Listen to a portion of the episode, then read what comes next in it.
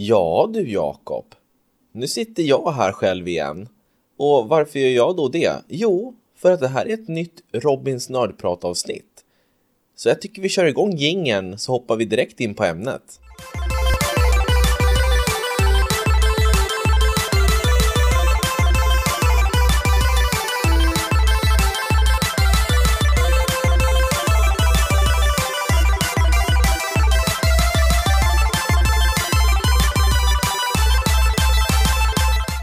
Sådär, varmt välkomna ska ni vara till spelkväll med Robin och Jakob vanligtvis, men idag så är det bara med mig, Robin. Och jag hoppas att ni är helt okej okay med det.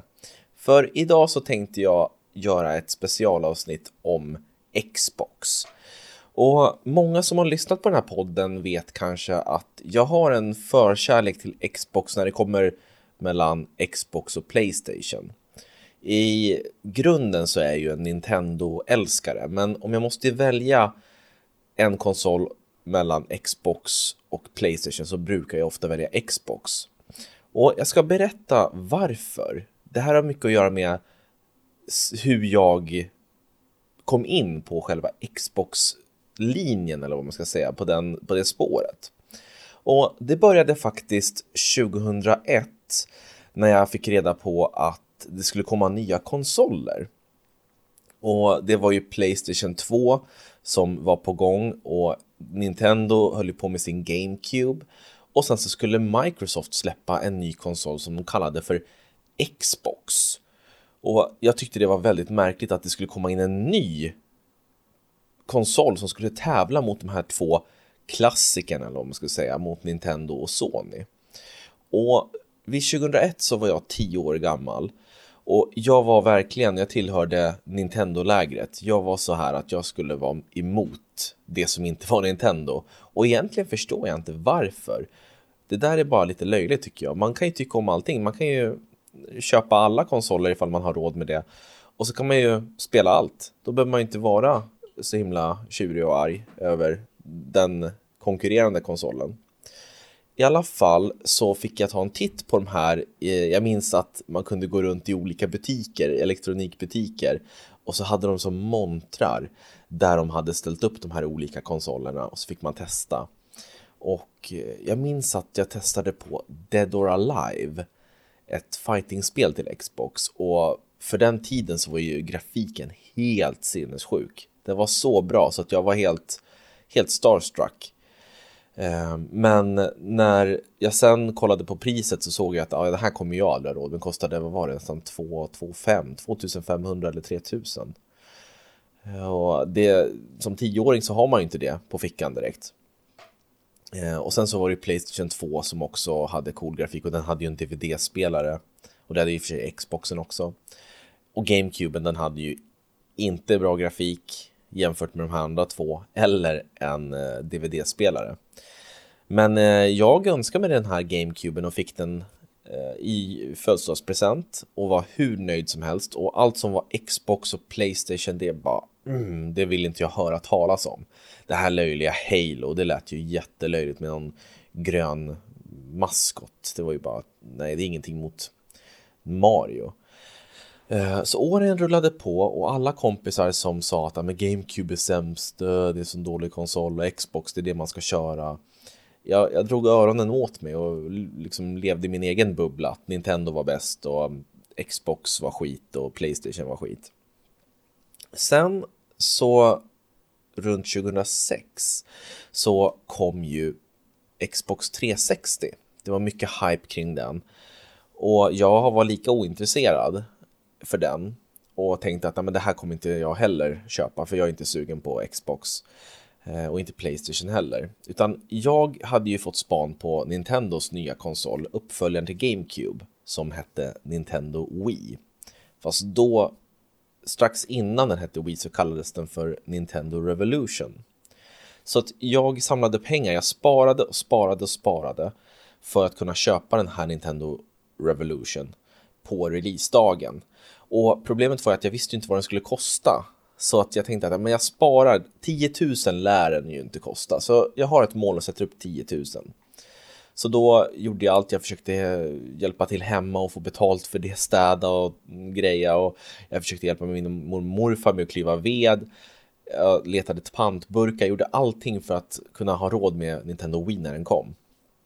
Och då, eh, på hösten 2006, i november där så tror jag att Nintendo berättade att den skulle kosta, eh, vad var det, 2500 eller något sånt där. Och då stod jag där med 10 000 kronor på fickan. Och då sa min mamma till mig så här, hon bara, vad ska du göra med dem där då? Och så här, jag, jag, jag kanske ska spara dem för, till framtiden. Och då sa hon, nej men kan du inte köpa en sån där, ah, de här andra konsolerna som du alltid har varit emot? Kan du inte köpa så att du har alla tre då? Så slipper du ju vara så arg på dem. Och då bara stod jag och tittade och tänkte så här, va? Kan man göra så? Ja, för fan, varför inte? Och då hade ju Xbox 360 redan kommit ut. Så jag sa till pappa, hörru du, kan du köra in mig till, till stan så åker vi och går vi in på en elektronikbutik och så köper vi en 360. Han bara, ja, sure.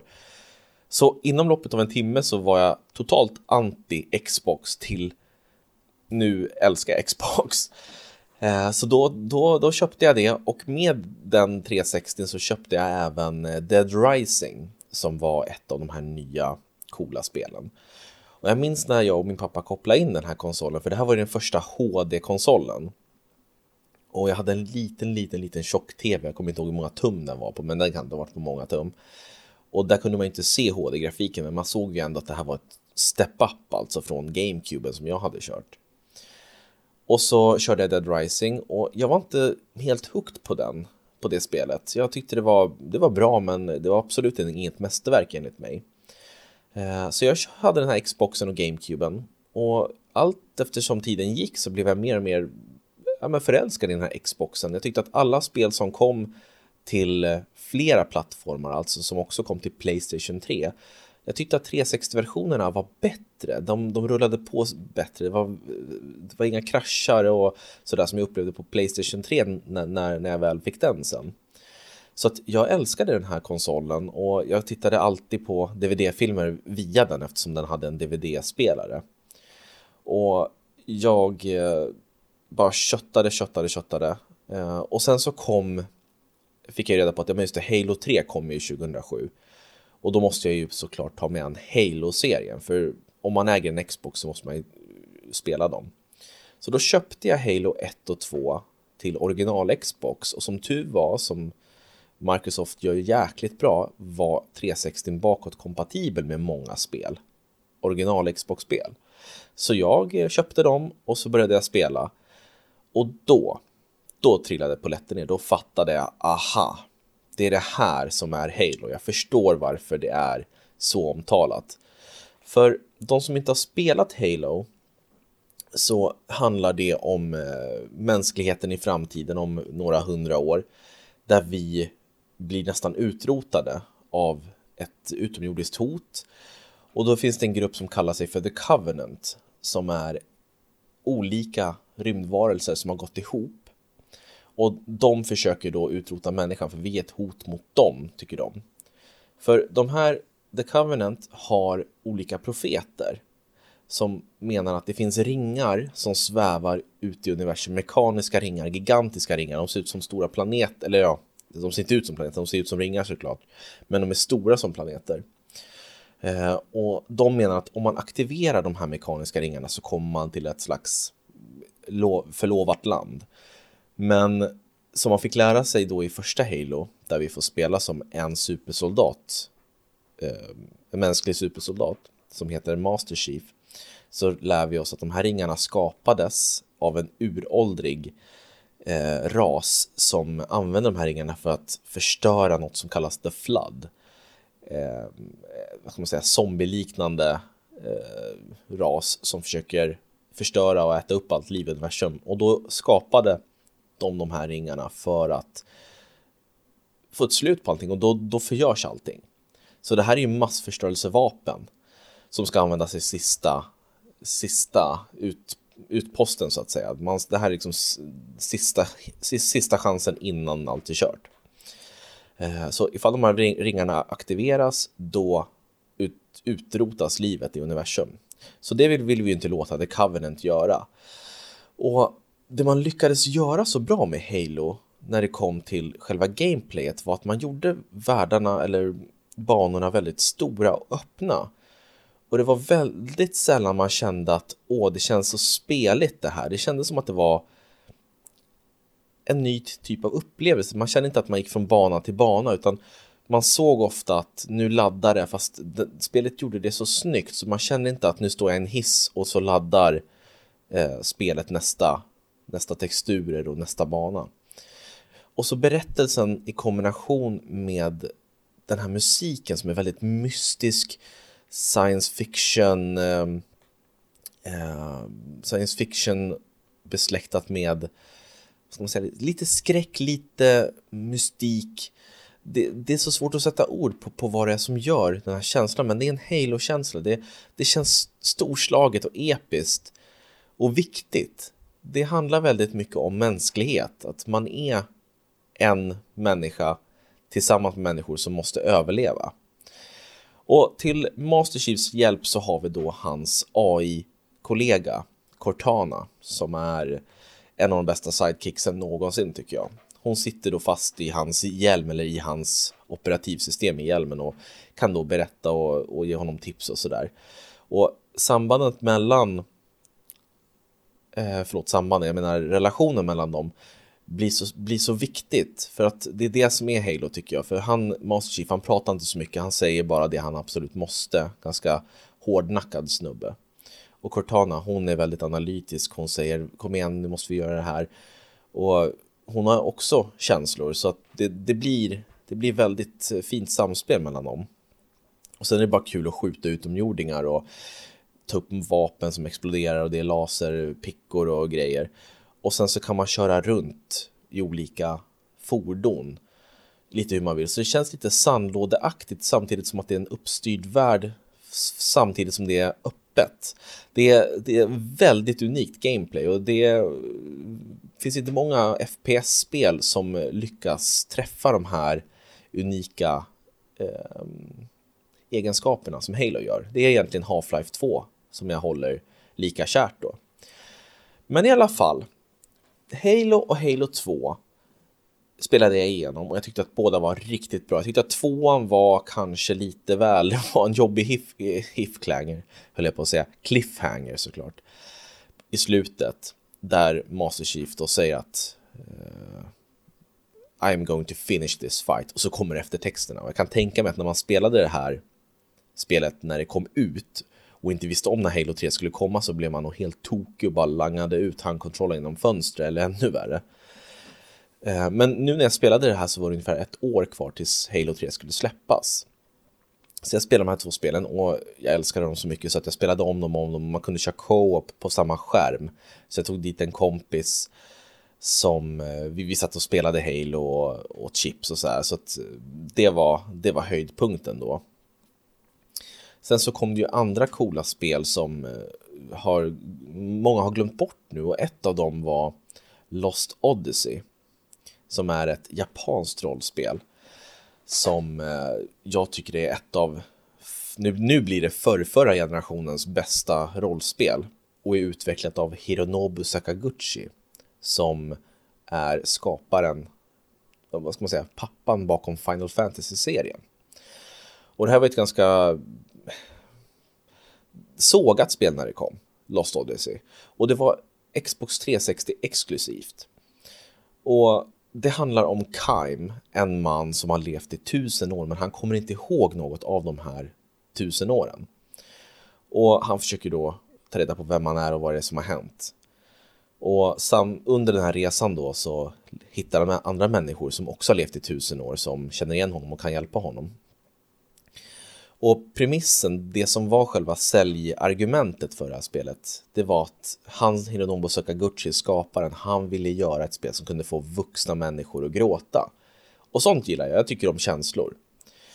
Eh, och till viss del så lyckades han tycker jag. Det var ganska eh, taffligt manus på sina ställen och spelmässigt så var det väldigt föråldrat. Man eh, körde ett turordningsbaserat stridssystem som inte var särskilt förfinat eller roligt egentligen. Det, det, det funkade men det gjorde ingenting nytt.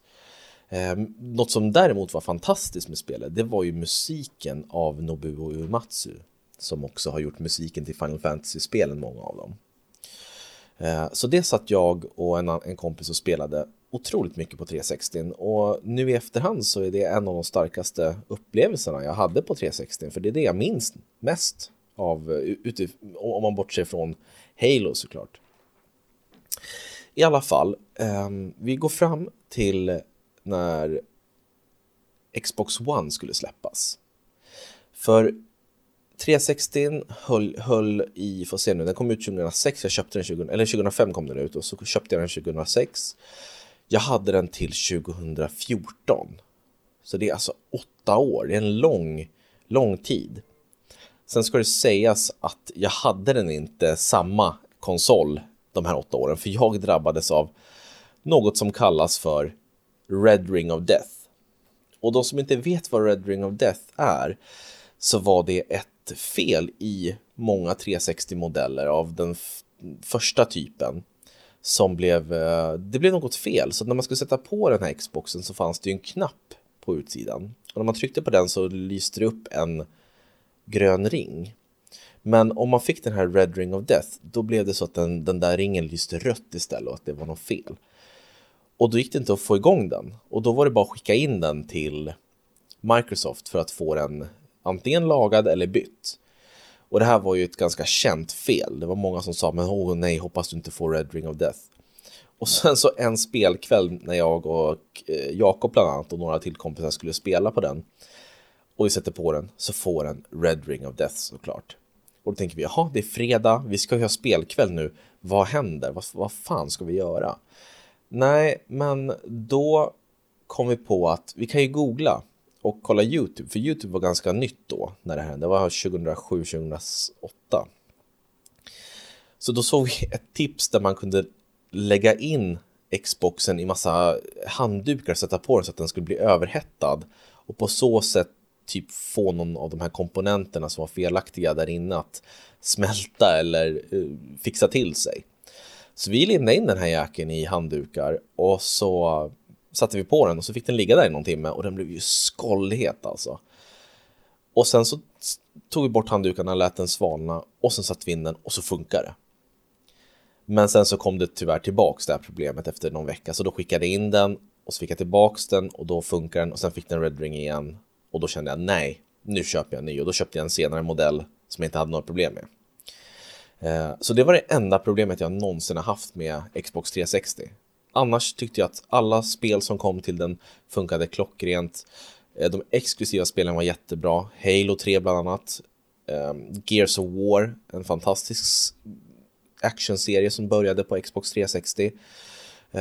Vi har ju alla de här Xbox Xbox indiespelen. Jag spelade de första eh, stora indiespelen på Xbox, bland annat Braid, uh, och Super Meat Boy, massa fantastiska spel. Uh, och sen så var det ju dags för Xbox One att släppas. Och då var det ju lite annat för att Playstation 3 hade jag också haft ett tag och jag tyckte att mellan de två så var Xbox 360 bäst. Sen så skulle ju PS5, PS4 och Xbox One komma och till att börja med så tyckte jag att Xbox One var ett så konstigt namn för den. Varför döpa den till One när det är den tredje konsolen? Varför inte fortsätta då, eller kanske kalla den för Xbox Elite, eh, Xbox eh, Superpower, men någonting bara så att den låter lite flashig. Men One, det kändes som att det var ett steg tillbaks. Uh, och så PS4 hade ju massa coola nyheter och att just den hette 4, det kändes så klockrent bara 1, 2, 3, 4. Sen så när man skulle rada upp Xboxens konsoler, då var det ju Xbox, Xbox 360 och Xbox One. Det känns ju helt fel. I alla fall så såg jag när man avtäckte den här konsolen, Xbox One, på ett live-event.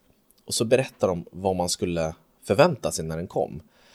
Och dels så sa de ju att den var, den var, tanken var att den skulle vara mer av en mediamaskin än en konsol, att man skulle kunna styra tvn med rösten, att man skulle ha en Kinect, en slags kamera kopplad till den hela tiden och det var ett krav tydligen för att den skulle funka. Och sen så skulle också alla spel bli låsta till konsolen. Vilket var helt fel tycker jag. Det var ju ett utav helvete snedsteg. Så folk blev ju fly förbannade att man inte kunde låna ut sina spel. Om man då hade köpt ett spel som ville låna till en kompis, nej det gick inte, då, då var det reggat på, på din konsol. Och sen också att du var tvungen att ha 24-7 uppkoppling till nätet. Annars så kunde du inte spela. Och det kändes ju som ett fängelse att köpa ett fängelse. Och samtidigt så visade PS4 att du kan eh, köpa ett spel, låna ut till kompis, inga problem. Så de, de gick ju på en riktig nit där, Microsoft, och så gjorde de en pudel och backade och fick då eh, var tvungna att, att, att, strunta i de här kraven. För annars hade ju ingen köpt Xbox One. Så redan där kände jag att oj, det här är ingen bra start på nästa generation. Eh, men jag tänkte så här, men jag är hoppfull och så väntade jag på Xbox One att den skulle släppas och i resten av världen, eller i många delar av världen så släpptes den under 2013. Men vi i Sverige, vi fick vänta ett helt år till. Och då kände jag att jag tappade ännu mer sug, för PS4 kom ju ut 2013 eh, här i, i Sverige. Så då, då kunde man ju spela spel på den och lära, lära sig bekanta sig med den. Och sen tyckte jag inte att det fanns några riktiga release-spel till Xboxen heller, Xbox One. Eh, så jag plockade upp den så här helt osugen egentligen. Jag ville bara hänga på i svängarna, i konsolsvängarna. Och så köpte jag Xbox 3, eh, förlåt, eh, Dead Rising 3 skulle jag säga, till Xbox One.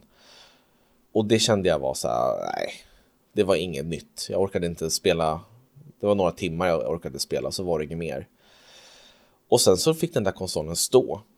Så Xbox One, den har inte jag rört förrän för några år sedan. När egentligen Halo 5 kom till den. Då började jag spela på den. Och sen så kom det fantastiska initiativet med Game Pass. Och där tycker jag att Microsoft har gjort ett sånt jäkla uppsving. För de började den här kons förra konsolgenerationen katastrofalt. Och så var det väldigt ljummet där mittemellan. Sen mot slutet så tog det sig rejält. Och just det här Game, Game Pass, det gör ju att du betalar en summa i månaden och sen så får du massa spel som du kan spela och ladda ner gratis. Som i och för sig vissa tas bort och vissa läggs till, men alla de här äh, Xbox exklusiva, de finns där för dig att spela dag ett de släpps. Så du behöver inte köpa dem samma dag de släpps. De ligger där på, på tjänsten. Så sen dess, sen det kom så har jag spelat massvis på Xboxen bara för att du kan spela massa coola nya spel. Till exempel Tomb Raider, Shadow of the Tomb Raider som eh, kom ut för några år sedan. Det kom bara några månader senare till Xbox One, eh, Xbox Game Pass. Eh, Medan det tar flera år för sådana spel att bli en del av sådana här prenumerationstjänster på Playstation. Men för att vara ärlig så, så tycker jag att Playstation 4 var fantastisk. Den här generationen hade så många bra spel, exklusiva spel. Bäst, bättre konsolen av de två, helt klart. Så när det kommer till 360 mot Playstation 3 så tycker jag att 360 var överlägsen. När det kommer mellan Playstation 4 och Xbox One så tycker jag att PS4 var överlägsen. Och nu går vi in i det som är nästa generation.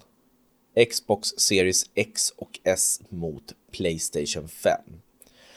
Och det här är ju svårt att säga på förhand vilken som kommer vara den bästa. Det kommer vi inte veta förrän generationen är slut. Men på förhand nu, för vi fick ju en Xbox av eh, eh Microsoft som vi fick testa, en Series X.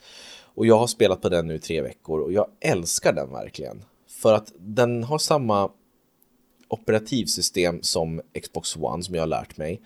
Men den är så fasligt snabb alltså. Den är snabb, den laddar, det är snygg grafik. Den känns så smidig, den känns så... Det känns som en lyxig konsol. Och jag tycker att det är ett mycket bättre, det är en bättre början på den här generationen än vad det var på förra. Sen så har vi inte fått eh, känna på Playstation 5 än. Och redan på förhand så tycker jag att Playstation 5 verkar ha roligare release-titlar, några som är exklusiva till Xbox här så har vi ju Assassin's Creed Valhalla, vi har Dirt 5, vi har Yakuza Like a Dragon, vi har Gears Tactics, många bra spel. Men jag saknar den där riktiga boom, den här konsolsäljaren som typ är Demon Souls till Playstation 5 som jag är jättetaggad inför. Eller den här Spiderman Miles Morales. Eh, så nu på förhand så känns det som att Playstation 5 verkar ha roligare release-spel, men det är så svårt att säga för jag har ju spelat massvis av coola spel nu via Xbox eh, Game Pass. Och den, den funktionen gör att jag tycker att den är så otroligt mycket värd att köpa den här eh, Xboxen. Antingen X eller Series S. Och skillnaden mellan X och S det är att Xen den klarar av högre upplösning, den är snabbare, den är mer kraftfull. Men den kostar också 5600 ungefär. Medan Essen, den är billigare, nästan 2000 kronor billigare. Och då kan man spela alla spel, likadana spel fast inte i lika hög upplösning, kanske inte lika mycket utrymme på hårddisken, inte lika snabbt och sådär. Men du får ändå en konsol som gör att du kan hänga med i nästa eh, generation. Eh, Playstation 5, där har vi två versioner där en kommer vara fysisk, alltså, så att du har en skivläsare och den andra kommer vara helt digital där du bara kan ladda ner spelen. Eh, och den kostar ju 6000 den här skivenheten medan den digitala kostar 5000. Så ett till argument är ju att Xbox Series X den är ungefär 400 kronor billigare än Playstation 5. Så om du är, har, har en budget när det gäller spelande så är det ju jättebra att köpa en Series X och några månaders Game Pass för då har du ju hur många spel som helst. Men som sagt så har inte jag rört en Playstation 5 så jag kan inte säga om den är supermycket bättre eller supermycket sämre utan jag, jag är taggad inför båda och jag, jag tänker inte låta någonting, någon eh, vad ska man säga fördom stoppa mig från att tycka någonting kring de här konsolerna. Men av det jag testat av Xbox så tycker jag absolut att man ska köpa en sån för det är ju ett sätt att, att få nästa generations spel på ett smidigt och bra sätt. Och sen också köpa en Playstation 5 eventuellt när den kommer. Så att man har båda två, för varför inte? Ifall man har råd med det så tycker jag absolut att man ska göra det. För att det kommer finnas spel som bara finns till Xbox eller Playstation. Och ifall det är det där spelet enda exklusiva som kommer till någon av dem som är det bästa på flera generationers konsolspelande, då är det ju värt det tycker jag. Eh, men det är helt upp till er vad ni tycker, du som ska köpa en av de här konsolerna sen. Vad är viktigt för dig? Är det viktigt med specifika release-titlar? Specifika eh, titlar som exempelvis God of War eller Spiderman, då är det ju Playstation man ska gå till. Är det exempelvis Halo man älskar mer eller Gears of War, då är det ju såklart Xbox för du hittar inte dem någon annanstans. Eh, men i alla fall så tycker jag att Series X hittills är jättebra. Den eh, levererar precis det jag vill ha. Så jag hoppas att det kommer bli en ny 360. En sån typ av känsla för mig den här generationen.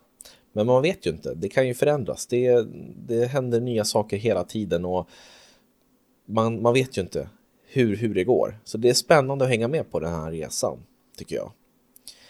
Eh, och ifall jag ska lista några av mina favorit Xbox-spel från 360 eller från originalet egentligen till nu så tycker jag fortfarande att Halo är fantastiskt. Oavsett vilket Halo du spelar, ettan, tvåan, trean, fyran, femman ODST eller Reach så finns det en känsla i alla de där som jag tycker är bra ändå. Även ifall ettan, tvåan, trean tycker jag är crème de la crème.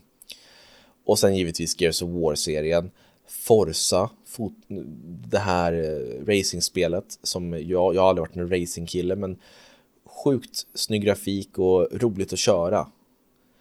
Och sen så alla indiespel som eh, kommer och, och alla kommande spel, Hellblade 2, vi har ju Halo Infinite, så länge det, det inte blir en katastrof så tror jag det blir, ja, så, länge, så länge de inte lägger ner det så tror jag att det ändå kommer bli njutbart att, att spela. Uh, och så Fable har vi ju kommande och vi har eh, alla de här Bethesda-spelen. Som, uh, eftersom Microsoft köpte Bethesda så har vi en hel del sådana spel som väntas som jag tror kommer bli extra coola på Xbox. Men uh, det är vad jag har att säga om Xbox. Nu har jag sagt säkert ordet Xbox flera hundra gånger i det här pratet, men det är min koppling till den här konsolen, den här, det här märket. Och jag vet inte, jag gillar det här gröna skenet som Xbox eh, står för, den här eh, logotypen. Jag tycker den är snygg också. Så vad tycker ni? Tycker ni att Xbox är bra? Hur, hur har era Xbox, eh, hur började ni spela Xbox? Hängde ni på från första generationen eller har ni hakat på nu i och med den här nya eh, Series X eller Series S? Ni får jättegärna mejla till oss eller kommentera eh, Eh, på olika sociala plattformar, till exempel Facebook, Instagram eller så mejlar ni oss på podcast spelkvall.com. Jag får tacka så hemskt mycket för att ni ville lyssna på det här och ha en fantastisk spelvecka. Hoppas att ni spelar något roligt, något berörande och någonting coolt. Så tack så mycket. Ha det fint. Hej! Sådär, det är nu ofta Jakob brukar komma in, men nu är inte han här så att eh, ja, jag får sitta här och vänta.